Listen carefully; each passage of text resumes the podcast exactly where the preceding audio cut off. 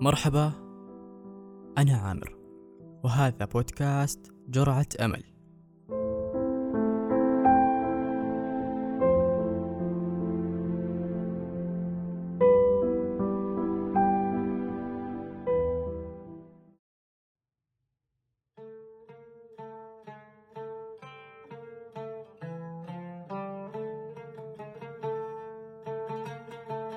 هل جرعة أمل قدرت تغير فيك حاجة ولو جزء بسيط؟ السؤال اللي يتكرر في ذهني دايما.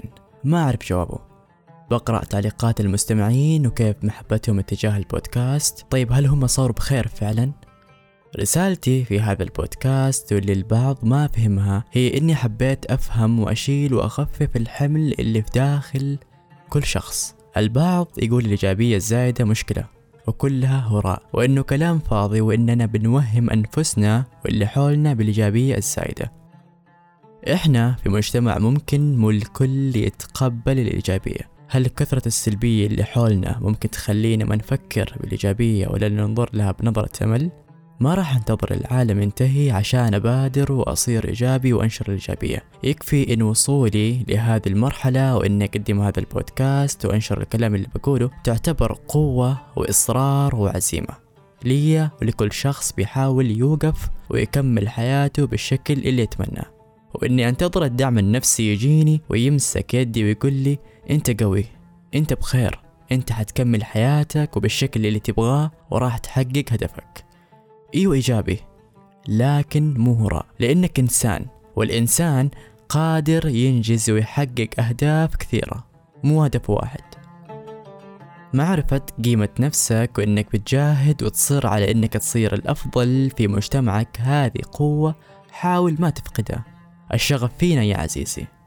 راح نسمع رسالة عزيز لمستمعين جرعة أمل وبعدها نكمل حلقتنا. أنا الذي أحمل الخير كله في قلبي. أنا الذي إن أحب لم يدع للحب معنى من بعده.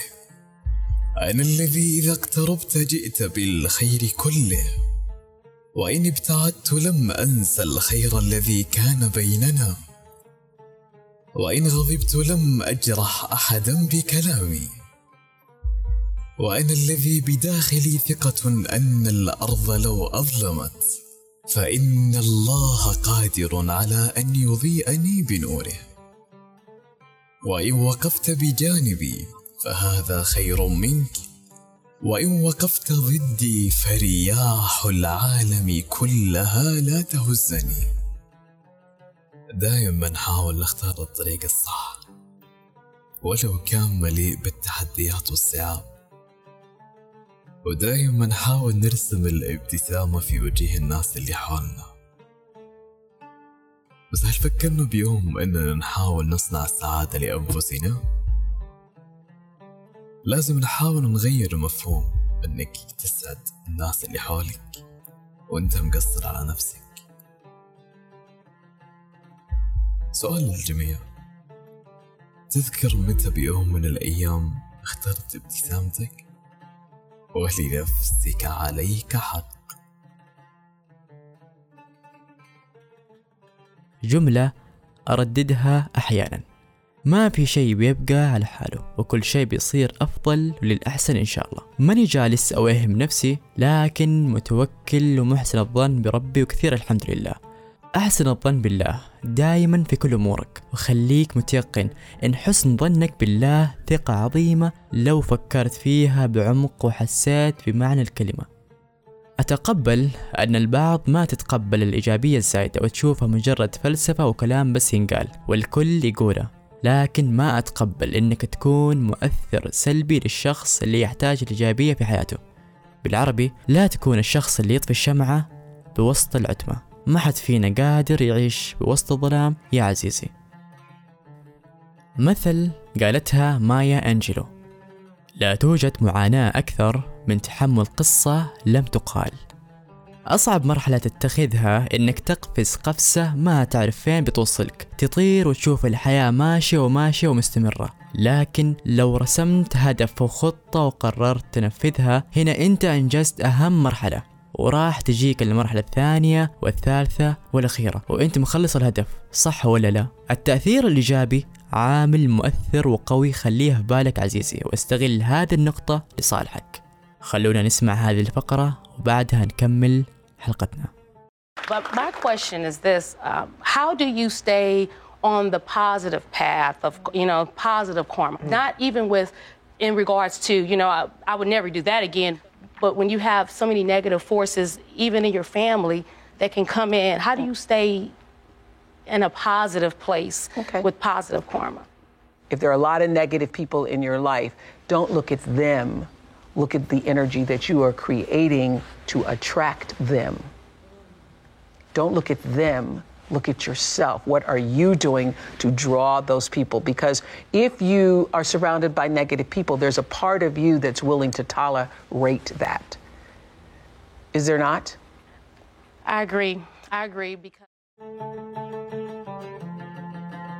في حلقة من حلقات دورة الحياة اللي تقدمها أوبرا وينفري أنسال لها سؤال إنه كيف أبقى على الطريق الإيجابية بالرغم من أن البيئة اللي عايشة فيها سلبيين مثل الأهل مثلا وغيرهم كيف تحافظي على هذه الطاقة الإيجابية اللي تمتلكيها ردت عليها وقالت إن الناس السلبية موجودة بكل مكان وحولنا. فكان جوابها بسيط جدا أن لا نهتم لهم. ولكن ننظر للطاقة الإيجابية اللي في داخلنا عشان نؤثر فيهم ونجذبهم. الناس السلبية موجودين وحولنا لكن نحاول ما نستسلم لهم ونكون أقوى ولا نكون ضعفاء تجاههم. أخيرا ليش ما تقرأ وتتابع وثائقيات عن قصص الناجحين؟ اللي أكيد ومية في المية انحلت عليهم ألف عقبة تجاوزوها ليش ما تتأثر منهم كونهم ناجحين؟ وأكيد تتأثر دام عقلك الباطني وتفكيرك بيفكر مثلهم. ينقصك التنفيذ والتحقيق. وخذ هذا الكلام مني أنا عامر. أنا هنا. قادر أن أنجز هدفي إلى أن أضع الألف قبل الهاء وبعد الدال. قادر أن أصنع حاجة جميلة في حياتي. أكيد الحياة نضال وفيها تحدي وتحدي كبير. وكلنا راح نحقق اللي نبغاه دائما ما بنتأثر من السلبيين اللي حولنا. وممكن أيضا السلبيين اللي حولنا يكونوا نقطة انطلاقنا. أستغل وجودهم بشكل صحيح وإيجابي. وآخر شيء بقوله حاول إنك تترك أثر جميل لحياتك. عزيزي المستمع كون بخير.